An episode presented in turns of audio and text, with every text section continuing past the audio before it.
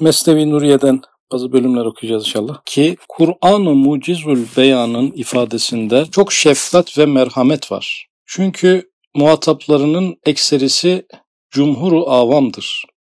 Onların zihinleri basittir. Nazarları dahi dakik şeyleri görmediğinden onların besateti efkarını okşamak için tekrar ile semavat ve arzın yüzlerine yazılan ayetleri tekrar ediyor. O büyük harfleri kolaylıkla okutturuyor. Mesela semavat ve arzın hilkati ve semadan yağmurun yağdırılması ve arzın dirilmesi gibi bilbedahe okunan ve görünen ayetleri ders veriyor. O hurufu kebire içinde küçük harflerle yazılan ince ayata nazarı nadiren çevirir ta zahmet çekmesinler. Paragrafa baştan tekrar bir bakabiliriz. Bil ki Kur'an-ı Mucizül Beyan'ın ifadesinde çok şefkat ve merhamet var. Şimdi Cenab-ı Allah'ın yaratımlarındaki gönderdiği nimetlerdeki şefkat ve merhameti her yerde görüyoruz. Bir de ifadesinde Kur'an-ı Mucizül Beyan'ın ifadesinde yani ifade biçiminde, anlatım biçiminde bir şefkat ve merhamet var. Yani Kur'an metninin içindeki şefkat konularından bahsetmiyor da anlatma tarzının şefkat içermesinden, merhamet içermesinden, e, merhametli bir üslupla anlatması, şefkatli bir e, anlatım biçimi seçmiş olması gündeme getiriyor. Bunun sebebi olarak da şu cümleyi kullandı. Çünkü muhataplarının ekserisi cumhuru avamdır. Yani Kur'an'ın hitap ettiği insanlar tabii ki insanların geneli cumhuru avamdır. Yani avama genel olarak avama hitap eden daha doğrusu aslında herkese hitap eder ama hitap ettiği kitlenin daha geniş skalası e, avamdan oluştuğu için onlara göre bir şefkat ve merhamet üslubu takılmış. Cumhur avamın bir özelliğini söylüyor bir sonraki cümlede. Onların zihinleri basittir. Yani basit düşünürler. Karmaşık düşünmeye alışkın değillerdir. Kompleks düşünce yapılarını birlikte yürütüp bir hükme varmayı başaramayabilirler. E, zihinleri basittir, basit düşünürler.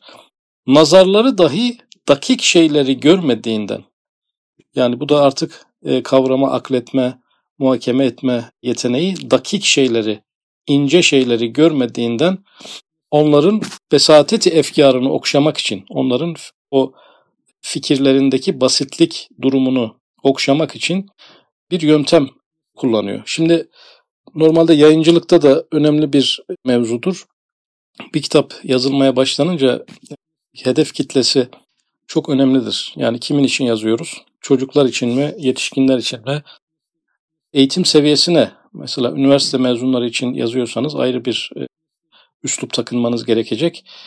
Fakat bunu ilkokul mezunları da anlasın derseniz o zaman üslubunuzda başka yer, başka şeyler düşünmeniz gerekecek.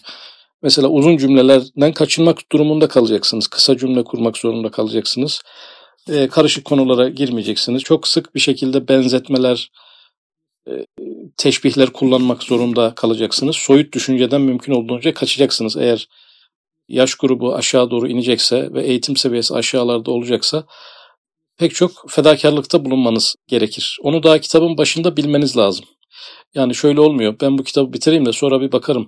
Bu acaba genç okurlara mı gider, yaşlılara mı gider? Lise mezunlarına mı uygun yoksa yüksek lisans doktora yapmış kişilere mi uygun diye bir bakayım diyemezsiniz kitap bittikten sonra. Bunu başta bilmeniz lazım ki o sizin kurduğunuz her cümleyi, her mantık örgüsünü e, etkileyecek bir şeydir. E, burada Kur'an-ı Kerim'in de ana kitlesi bütün insanlar olmakla beraber e, genel çoğunluk cumhuru avam olduğu için onların fikir dünyalarının basitliğini okşamak için şu yöntemi kullanıyor. Cümleye devam ediyorum. Tekrar ile semavet ve arzın yüzlerine yazılan ayetleri tekrar ediyor. Yani göğün ve yerin yani böyle yeryüzüne bakınca göze çarpan büyük konular vardır göğe başımızı çevirdiğimiz zaman e, böyle büyük puntolarla yazılmış bazı meseleler vardır. böyle hemen herkes çıplak gözle gördüğü konular vardır. Onlara e, yöneliyor ve bu ayetleri çok sık tekrar ediyor. O büyük harfleri kolaylıkla okutturuyor. Hani büyük punto demiştik. Büyük puntolarla yazılan mesajları tekrar yöntemini de kullandığı için kolaylıkla okutturuyor. Mesela örnek şuradan geldi. Semavat ve arzın hilkati ve semadan yağmurun yağdırılması ve arzın dirilmesi. Üç tane örnek verdi. Yerin, ve göğün yaratılışı. E, bunu anlatıyor. Oradaki yaratılışları anlatıyor. Hani altı günde e, kainatın yaratılması gibi konular. Semadan yağmurun yağdırılması. Bu hepimizin muhatap olduğu bir konu. Kur'an-ı Kerim'de de sık sık geçiyor. Yağmuru yağdıran kimdi? Oraya baktırıyor. Ve arzın dirilmesi. Yani her kıştan sonra zaten yeryüzünün dirilişini biz gözümüzle görüyoruz. E, bunu da bize bir diriliş delili olarak sunuyor gibi bilbedahe okunan yani açıkça okunan ve görünen ayetleri ders veriyor. Yani böyle e, uzay mekikleriyle çıktıktan sonra çözeceğimiz bazı konular da vardır elbette. Onlar yerine herhangi bir araç kullanmadan, herhangi bir ekstra eğitimden geçmeden görebileceğimiz büyük puntolu ayetler var. Öncelikle onları nazara veriyor. O hurufu kebire içinde küçük harflerle yazılan ince ayata nazarı nadiren çevirir. Ta zahmet çekmesinler. Yani arada bir ince harflerle yazılan ince ayetler vardır. Böyle adrese göndermedir. Yani bir sahada çalışan bilim adamına böyle bir ince bir gönderme yapar. Fakat bunu nadiren yapar diyor. Nadiren yapar. Neden? Ta zahmet çekmesinler. Kim zahmet çekmesin? Avamı cumhur. Yani genel kitlenin geniş kısmı zahmet çekmesin. Çünkü yani zahmete sokabilir gerçekten. Diyelim ki mikroplarla alakalı bir açık bir mevzu olsa yani bir bardak suda bir sürü şey var, bir sürü varlık var. Yani bu bilim keşfedecek ki onu ondan sonra insanlar anladılar. Yani bu konu daha gündemde değilken böyle bir şey söylense insanlar burada yani anlamadıkları bir şey olur yani. Göremediğimiz bir varlık var. Bir işimize de yaramıyor. Gören de olmamış. Kur'an-ı Kerim diyor diye inanmak durumundayız gibi kafaları karışacak şeylere girebilirlerdi. Ama bu zahmeti Kur'an-ı Kerim üslup olarak avam cumhura vermiyor. Evet bir başka yerden bir paragraf daha okuyacağım Mesnevi Nuriye'den. Kur'an mevcudatın ahvalinden ancak halıkları için bahseder. Yani varlıkların durumundan bahsediyor ama yani bunu bir sebepten dolayı bahsediyor. Yaratıcısını tavzif etmek için, onu tanıtmak, onun vasıflarını ortaya çıkarmak için bahseder. Mevcudatın zatlarına ait değildir. Yani o varlıkların kendileri için anlatmıyor o varlıkları. Bu itibarla Kur'anca en mühim kainatın halika nazır olan ahvalidir. Fen ise halıkı işe katmıyor, kainatın ahvalinden bizatiha bahsediyor. Şimdi fenin konuları anlatma biçimiyle Kur'an'ın konuları anlatma biçimini e, bu akşamki metinler kıyaslıyor. Çünkü bu bir herhalde ciddi bir problem olmuş bir dönem itibariyle. Yani Kur'an da evrenden yer yer bahsediyor. Fenler de bahsediyor. Böyle fenlerin ki sanki daha kuşatıcı, daha kapsayıcı, daha kompleks, sanki daha derine inmiş. Yani böyle köşeleri, dipleri fen daha iyi giriyor. Ve ortaya koyduğu metinlere bakılırsa fen, fenli metinler yani Kur'an'dan daha öte kainatı kavramış gibi görünüyor ilk bakışta. Bu bir soru olduğu için yani bir basit bir e, soru değil aslında yani ciddi bir soru olduğu için Üstad Hazretleri buna yer yer geri geldikçe bu konuya tekrar tekrar giriyor. Evet, fen ise Halık'ı işe katmıyor, kainatın ahvalinden bizatiha bahsediyor. Yani Kur'an mevcudattan bahsederse Rabbinin bir vasfını ortaya çıkarmak için bahsediyor ama fen bir şeyden bahsederken o varlığın ne olduğunu, ne işe yaradığını, nasıl olduğunu, nasıl çalıştığını hedefliyor. Üstelik Halık'ı işe katmıyor. Yani yaratıcısına bakan yönü fenin alanına da girmiyor. Fen onu işe de katmıyor. Yani oraya bakarken bunun acaba nasıl bir yaratıcısı vardır? Bu kendi başına olmuş olamaz gibi bakmıyor zaten. Kainatın ahvalinden bizatiha bahsediyor. Yani bizatiha o olaya odaklanıyor manayı ismiyle. Bir yaratıcısı var mı yok mu tartışmasının ilerisine geçerek bu nedir? Bize ne yararı olabilir? Biz buradan nereye varabiliriz? Bu nasıl oluyor? Yani neden var gibi bir soru felsefenin sorusu ama nasıl e, sorusu üzerinden ilerliyor. Ve keza Kur'an bütün insanlara hitap eder ve ekseriyetin fehmini mürat eder ki tahkiki bir marifet sahibi olsunlar. Fen ise yalnız fencilerle konuşur, avamı nazara almıyor, avam taklitte kalıyor. Şimdi dedik ya bir kitap kimlere yazılacaksa, kimlere hitap edecekse ona göre bir üslubu olur. Kur'an bütün insanları hedeflemiş. Ekseriyetin fehmini, kavrama seviyesini bir ölçü olarak kabul etmiş. Sebep bütün insanlar tahkiki bir marifet sahibi olsunlar. Rabbini bilsinler, Rabbini bulsunlar, iman sahibi olsunlar. İmanları taklitten tahkike geçsin. Kur'an mevcudattan bu yüzden bahsetmiş. Fen ise yalnız fencilerle konuşur. Avamın nazara almıyor, avam taklitte kalıyor. Yani fen hedef olarak herkes anlasın. Dan ziyade fenciler anlasın. Avam burada anlamasa da olur. Çünkü avamın fenle bir işi yok zaten onu bildiği için.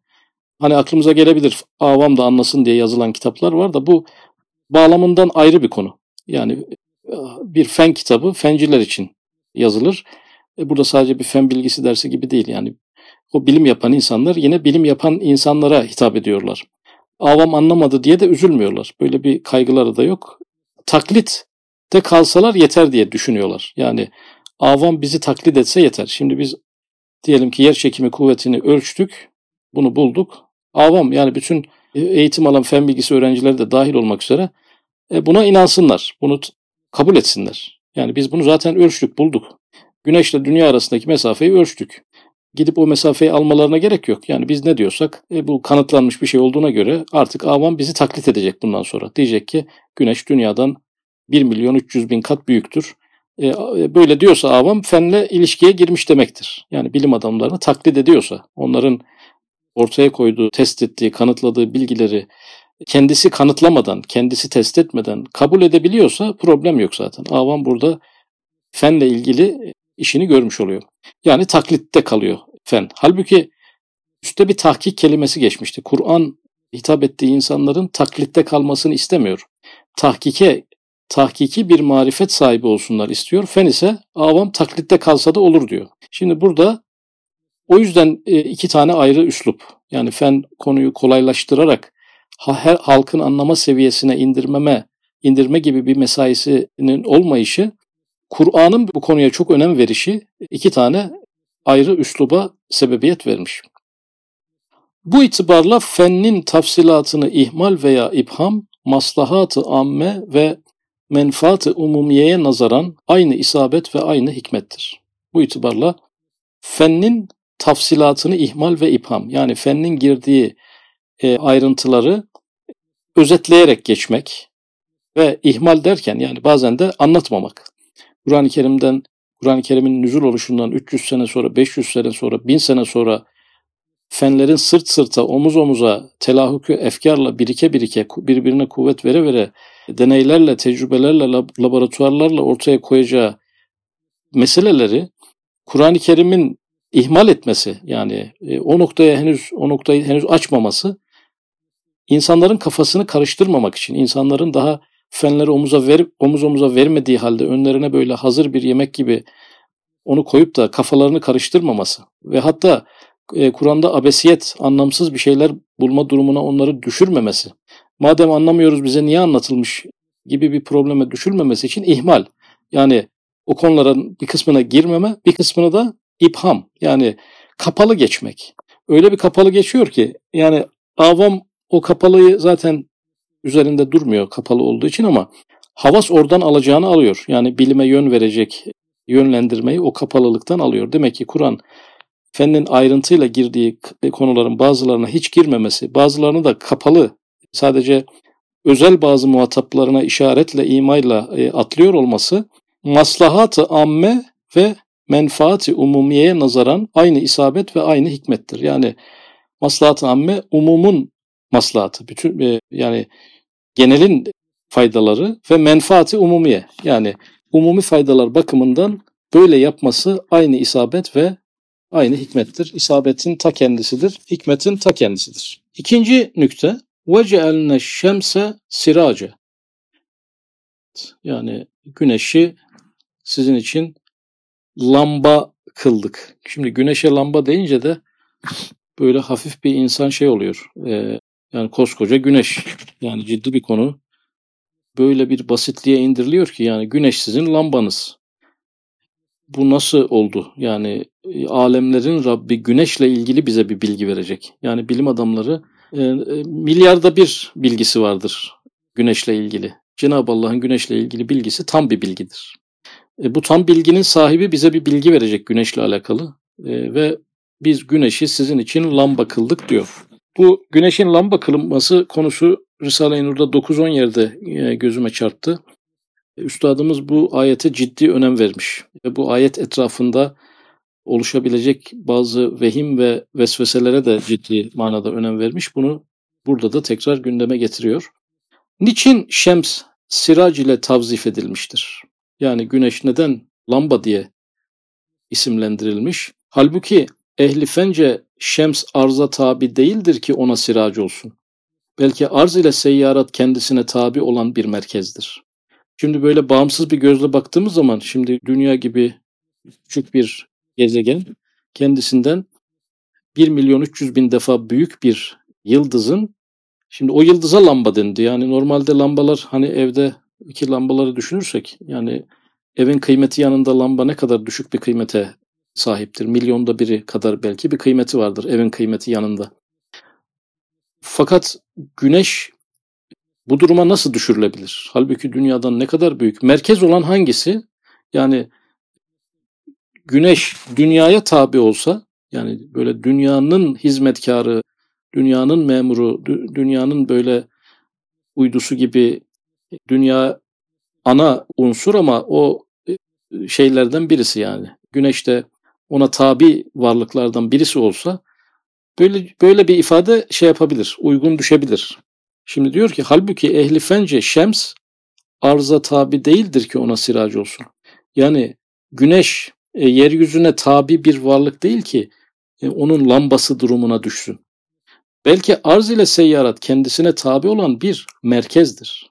Ha, dese ki yani dünya dünya güneşin uşağıdır. İşte dünya güneşin pervanesidir. Dünya güneşin peşinden koşturur. Güneşin vezirlerinden de öyle bir şey olsa yani bir böyle bir oran orantı aklımıza gelebilir ama merkez olan güneş iken yani fennin gözünde fen dünya e, bu galaksinin merkezidir diyemez zaten. Güneştir merkez. Şimdi merkez olan oysa lamba olan lamba durumuna düşen şemse bir yorum yapmak gerekecek. Fenli bakışla Kur'an'ı bakış burada böyle net bir şekilde ayrıma gidiyor. Evet. Cevap Siraç tabiri şöyle bir tasvire işarettir ki alem bir saray gibidir. Şimdi lamba demek ki lamba evet bizim evlerimizdeki lamba evlerimizden binlerce defa küçük ve milyonlarca defa daha değersiz. Ama demek ki güneşe lamba dediğimizde bu lamba sarayın bir lambası. Biz o sarayın halkından biriyiz ama o sarayın bir lambası yani kainatı saray durumuna düşürüyor bu ifade ve saray durumuna düşürünce kainatla ilgili büyük bir kafa karışıklığı ortadan kalkıyor. Yani bu kadar uçsuz bucaksız, sonu gelmez, sayısız büyük cismin olduğu yerdeki anlamsızlığı birden kaldırıyor. Yani bu da bir saray. Saray çünkü bir şuurla, tercihle, iradeyle ve halkı için yapılır. Saray onun içindeki halk için yapılır. O halk sarayın tümünü kaplayamasa bile o halkın şerefini, yüceliğini, üstünlüğünü gösterir. Yani saray halkının saray halkını yüceltmek için sarayın varlığı bir yorum esnesi olur. Dolayısıyla güneşe lamba deyince kainat saray durumuna düştü. Muhteşem bir kafa karışıklığı ortadan kaldırılıyor birincisi. Mevcudatı o sarayın müştemilatı, tezyinatı makamında olduğu gibi Şems de o saray halkını tenvir eden ilahi bir lüküstür. Diğer mevcudat da ne duruma düşüyor? Müştemilat ve tezyinat durumuna düşüyor. Yani aslında her şey o sarayı süslüyor. Sadece güneş değil. Bizler de o sarayın süsüyüz bir manada. Bitkiler de, hayvanlar da, diğer yıldızlar da o sarayı süsleyen müştemilat ve tezyinat durumuna düşüyor. Şems de o saray halkını tenvir eden ilahi bir lüküstür. Evet halkı aydınlatan ilahi bir lambadır. Ve keza Siraç tabiri Cenab-ı Hakk'ın rububiyetinden doğan vüs'at-i rahmetine ve o rahmet içinde derece-i inam ve ihsanına bir ihtar ve azameti saltanatı içinde vahdaniyetine bir ilandır ki müşriklerin mabud iddiaz ettikleri kocaman şems, Lem sarayında lüküs vazifesiyle muazzaf, musahhar bir memur ve bir hizmetkardır. Malumdur ki lamba hizmetini gören camit bir şeyin ibadete yani mabud olmaya hiç liyakatı var mıdır? Şimdi burada bir kere önemli olan Kur'an-ı Kerim varlıktan bahsediyorsa o varlığın kendisi için ve fonksiyonları için değil, Cenab-ı Allah'ın vasıflarını ortaya çıkarmak için bahsettiğine göre güneşin sirac olarak, lamba olarak tabir edilmesi o zaman öncelikle Cenab-ı Allah'ın şefkatine, merhametine, insana olan e, şefkatine bir nimet durumuna düşüyor bir taraftan. Çünkü lamba evimizin içinde bir nimettir. Güneşten güneş olarak bahsetse, onun nimet boyutunu ortaya koymasa Cenab-ı Allah'ın nimet vericiliği, ihsan ediciliği, ikram severliği, cömertliği ortaya çıkmayacak. Dolayısıyla lamba deyince Cenab-ı Allah'ın Rahman, Rahim, Kerim, Muhsin gibi vasıfları birden ortaya çıkıyor. Bir diğer taraftan azamet ilahiye ortaya çıkıyor. Yani nasıl bir varlık ki bizim bu koca güneş dediğimiz kimileri ona tapmışlar. Onu ilah yerine koymuşlar. Böyle bir varlığa birisi geldi lamba dedi yani. Biraz da onu makamından düşürtmek. Yani kimileri gelip ona ibadet ettiler. Onu mabut olarak gördüler. Cenab-ı Allah da bu mabut diye düşünülen varlığı birden lamba ismiyle böyle parantez içinde makamından tenzil etti. Yani abartılı makamından ve buradan da Cenab-ı Allah'ın azameti görünüyor. Kimdir ki güneşe lamba diyebilecek biri? O nasıl bir makam ki güneş onun e, huzurunda lamba durumuna düşebiliyor? Muazzaf, musahhar bir memur, bir hizmetkar durumuna düşebiliyor. Demek ki Cenab-ı Allah'ın pek çok vasfı e, güneş üzerinden ortaya çıkıyor. Lamba demekle bu maksat hasıl oluyor. Avam da buradan alacağını alıyor. Havas burada farklı şeyler o da dilerse orada kendisi için çok önemli şeyler mutlaka çıkarabiliyor. Demek ki bu tabir uygun bir tabir. Yani helyumdan bahsetseydi, dünyadan ne kadar büyük olduğundan bahsetseydi, e, dünyanın ve güneşin hareketlerinden teker teker bahsetseydi, insanlık o bilgilere kendi emek, çaba ve gayretleriyle ulaşmadığı, belki birkaç yüzyıl sonra, belki bin yıl sonra ulaşacağı şeyleri erkenden insanların önüne koymak, onların buna ezberden inanma gibi bir mecburiyete sevk edecekti. Kimi de anlayamayacaktı, kafası yatmayacaktı. Dünyanın bile e, döndüğü konusu bir tartışma meselesidir. Yani dünya şu anda böyle gördüğümüz gibi hepimiz evimizde dümdüz duruyoruz. Bunu bile insanların kabullenmeleri pek çok aşamalardan sonra olmuş. E, birçok insanın bu konuda idam edilmiş birçok insan bu mevzularda. Dolayısıyla bu hazırlıksız evrelerde insanın önüne seneler sonra bir hikmete binaen oluşacak bilgileri koymak Kur'an-ı Kerim'in tercihi olmamış. Bu Kur'an-ı Kerim'in kainatı fenler kadar kavrayamadığı gibi bir garip fikre insanı götürmemeli. Bilakis muhatap kitlesine en uygun ifadeyi harika bir şekilde seçtiğini ve o şeylere o şeyler için değil de Cenab-ı Allah'ın vasıflarını ortaya çıkarmak için e, anlattığını bilmek gerekiyor ve vasfı ortaya çıkarmak için de o kadar bilgi yetiyor. Yani Cenab-ı Allah'ın rahmet sahibi bir yaratıcı olduğunu güneşi bize lamba yapmasından çok iyi çıkardık. Ama bir güneş profesörü olsa o da ancak bu kadar bir şey çıkarabilir Cenab-ı Allah'a dönük kısmından. Rabbim sen ne kadar şefkatliymişsin der. Hatta bazen bir avamı o hissiyatta geçemeye de bilir. Yani bir avam oturup o noktada gözyaşı bile dökebilir. Allah'ım sen ne büyüksün, bizi aydınlatıyorsun her gün diye gözyaşı bile dökebilir. Ama güneş üzerine uzmanlığı geçmiş bir fen aliminden o gözyaşı gelmeyebilir. Kur'an-ı Kerim'in maksadı Cenab-ı Allah'a bakan yönlerini ortaya çıkarmak. E, dolayısıyla bir konuda ki ifadelerinin özet olması Kur'an-ı Kerim'in bir noksaniyeti değil, bir mucizesi olarak e, ifade edilir. E, İşaretül İcaz'da bir yer gördüm akşamüstü. Bu paralelde bir konu var, onu da okuyarak bitirelim. Evet, Kur'an-ı Kerim umumi bir muallim ve bir mürşittir. Umumi bir muallim, yani hususi değil. Yani genele hitap eden bir muallim ve bir mürşittir. Halkayı dersinde oturan nev'i beşerdir. Yani onun dersinde oturanlar da insanlardır. Nev'i beşerin ekserisi avamdır. Mürşidin nazarında ekal eksere tabidir. Şimdi burada bir mürşitlik ilişkisinden bahsediyor. Mürşidin nazarında çoğunluk, şey azınlık çoğunluğa tabidir. Yani umumi irşadını ekallin hatırı için tahsis edemez. Yani bu genel yaptığı herkes herkese bir şey öğretmek için yaptığı irşadını azınlığın hatırı için e, azınlığın anlayacağı şekle getiremez. Yani diyelim ki bir sınıfta çok zeki, üstün zeki bir kişi var ama 29 tane de ortalama zeka sahibi kişi var. Şimdi öğretmen bütün dersi o çok zekiye göre anlatsa 29 kişi birden sınıfta kalır. Kur'an-ı Kerim de böyle bir yöntemi tercih etmez. Ama o bir e, üstün zekalıya da bir cümle geliyor şu anda. Mahaza, mahaza avama yapılan konuşmalardan havas hisselerini alırlar. Yani o 29 kişiye o öğretmen öyle bir ders yapar ki onların onların anlayacağı seviyeden ama üstün zekalı e, kişi de oradan hissesini alacak şekilde öğretmen anlatır. Kur'an-ı Kerim'in yöntemini ifade ediyor. Aksi halde yani tersi olsa yani o üstün öğrenciye göre ders yapılsa avam yüksek konuşmaları anlayamadığından mahrum kalır.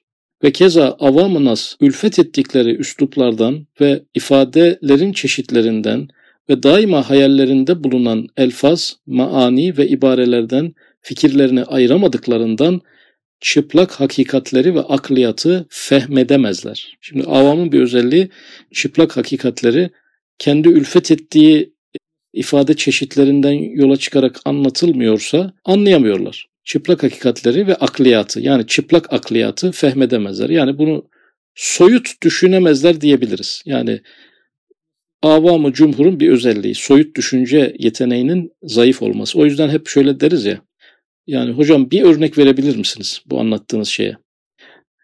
Çünkü soyut bir şey oldu. Yani onu e, yere e, bastırmak isteriz genel olarak. Ancak o yüksek hakaikin onların ülfet ettikleri ifadelerle anlatılması lazımdır. Ülfet kelimesine burada önemli görüyorum. Yani e, yüksek hakikatler e, avama ülfet ettikleri ifadelerle anlatılması lazımdır. Alışa geldikleri. Şimdi lambaya kim alışmamıştır ki?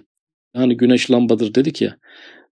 Ülfet var yani. Her gün lambayı yakmışız. Bir dönem elektrik yokmuş, kandilleri yakmışlar.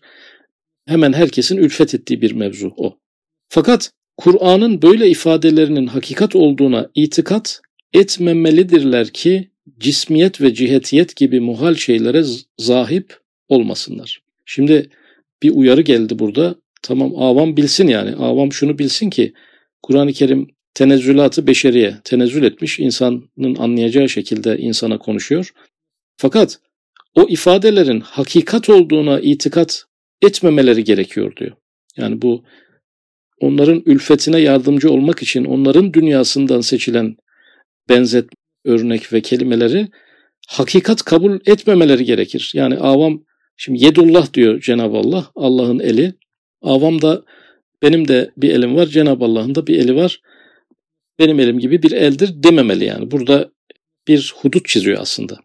Kur'an'ın böyle ifadelerinin hakikat olduğuna itikat etmemelidirler ki cismiyet ve cihetiyet gibi muhal şeylere zahip olmasınlar. Şimdi cismiyet cisimlik yani Cenab-ı Allah'ın görülmesi meselesi mesela ahirette. Rablerine bakarlar diye bir ayet var. Bakmak ülfet ettiğimiz bir kelime ama bir şeye bakmamız ve görmemiz için onun cisim olması lazım bizce. Ama böyle yapmamalıyız. Hani o tabirler bize yardımcı olmak için gelmiş. Biz oradan Cenab-ı Allah haşa cisimmiş gibi düşünmemeliyiz. Bir de cihetiyet kelimesi. Yani yön. Yani yani gelmek kelimesi Kur'an-ı Kerim'de Allah'a ifa, izafe edilmiş bir yerde. Fakat bu bizim bir yön gelmesi, bir mekan gelmesi gibi bir duruma düşmememiz de gerekiyor.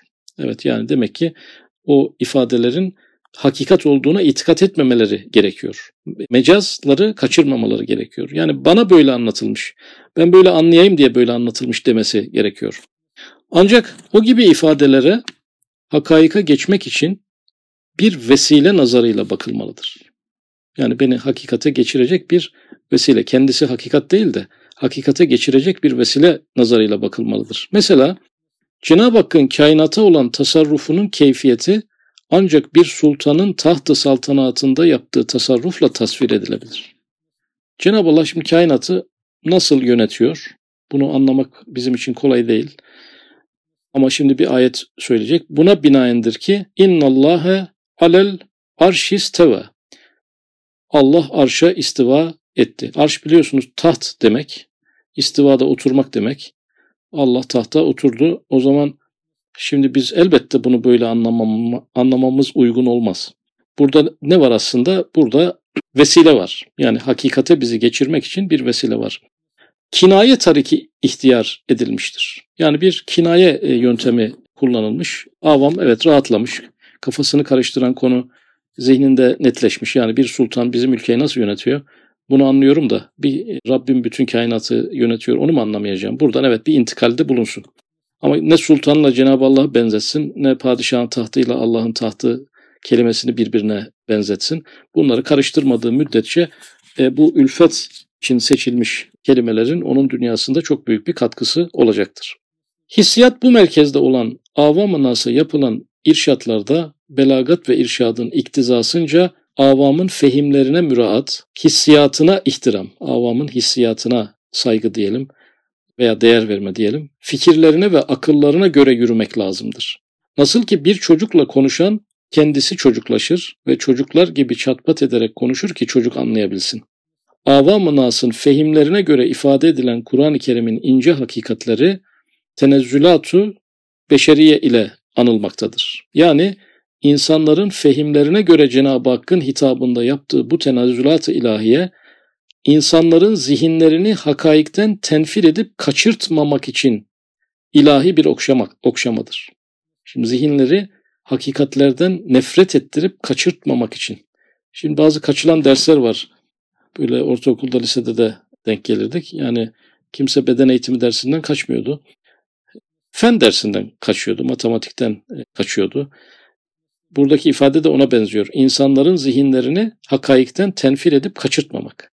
Yani kişi karşısına bilim adamının bile avam durumuna düşeceği Cenab-ı Allah'ın has ilmiyle bir izahla karşı karşıya kalsa yani bir zerresini bile anlayamayacak Hz. Musa'nın o bayılması mevzusu gibi kendinden geçecek. Böyle hakikatlere sürekli denk gele gele nefret edip kaçmaya başlayacak. Yani beni aşıyor bu mevzu. E, bir gram bile bir şey anlamadığım şeye sürekli muhatap kılınıyorum. Her gün okuyacağım. Bir metin sürekli beni anlamadığım en zor şeyle. Ben anlamadığım gibi en büyük bilim adamı da bir şey anlamıyor. Allah Allahça konuşmuş. İlahi ilim seviyesinde konuşmuş. Bir duruma düşmek yani irşadın, tebliğin, insanlara verilecek olan mesajın tamamen dışında bir maksat e, olmuş olur. İlahi bir okşama oluyor bir türlü. İlahi bir okşama Cenab-ı Allah'ın aslında ifadesindeki rahmet ve şefkati de ifade ediyor. Bunun için müteşabihat denilen Kur'an-ı Kerim'in üslupları hakikatlere geçmek için ve en derin incelikleri görmek için avam-ı nasın gözüne bir dürbin veya numaralı birer gözlüktür. Yani Kur'an'daki bu teşbihler, benzetmeler, örnekler, Allah arşa istiva etti gibi ayetler dürbün ve gözlük. Şimdi dürbün hani göremediğimiz yerleri bize gösteriyor. Ve bir insan o ayetlerdeki temsillere bakarak avam olmasına rağmen maksat hasıl oluyor. O hakikate intikal etmiş oluyor. Çünkü dürbünle bakmış oldu. Yani o e, benzetmelerle ama o benzetmelerin vesile olduğunu bilmesi kaydıyla veya numaralı birer gözlüktür. Yani bazılarına dürbün gerekir, bazılarına gözlük. Şimdi bu bende bu iki örnek de şöyle bir şey oluşturdu. Yani avamı nasıl da demek ki katman katman. Biri ancak dürbünle görür. Yani ona öyle bir benzetme lazım ki çok basit olsun yani. E, aniden onu şeye götürsün. Hakikati. Ama bazıları da o kadar da soyut düşünme yeteneğinden uzak değildir. Ona dürbüne gerek yok. Numaralı bir gözlükle görür. Yani hafif netleştirmeyle, küçük bir ince bir örnekle, basit bir kinaya ile o da o hakikate intikal eder. Demek ki iki tür örnekler de Kur'an-ı Kerim'de var.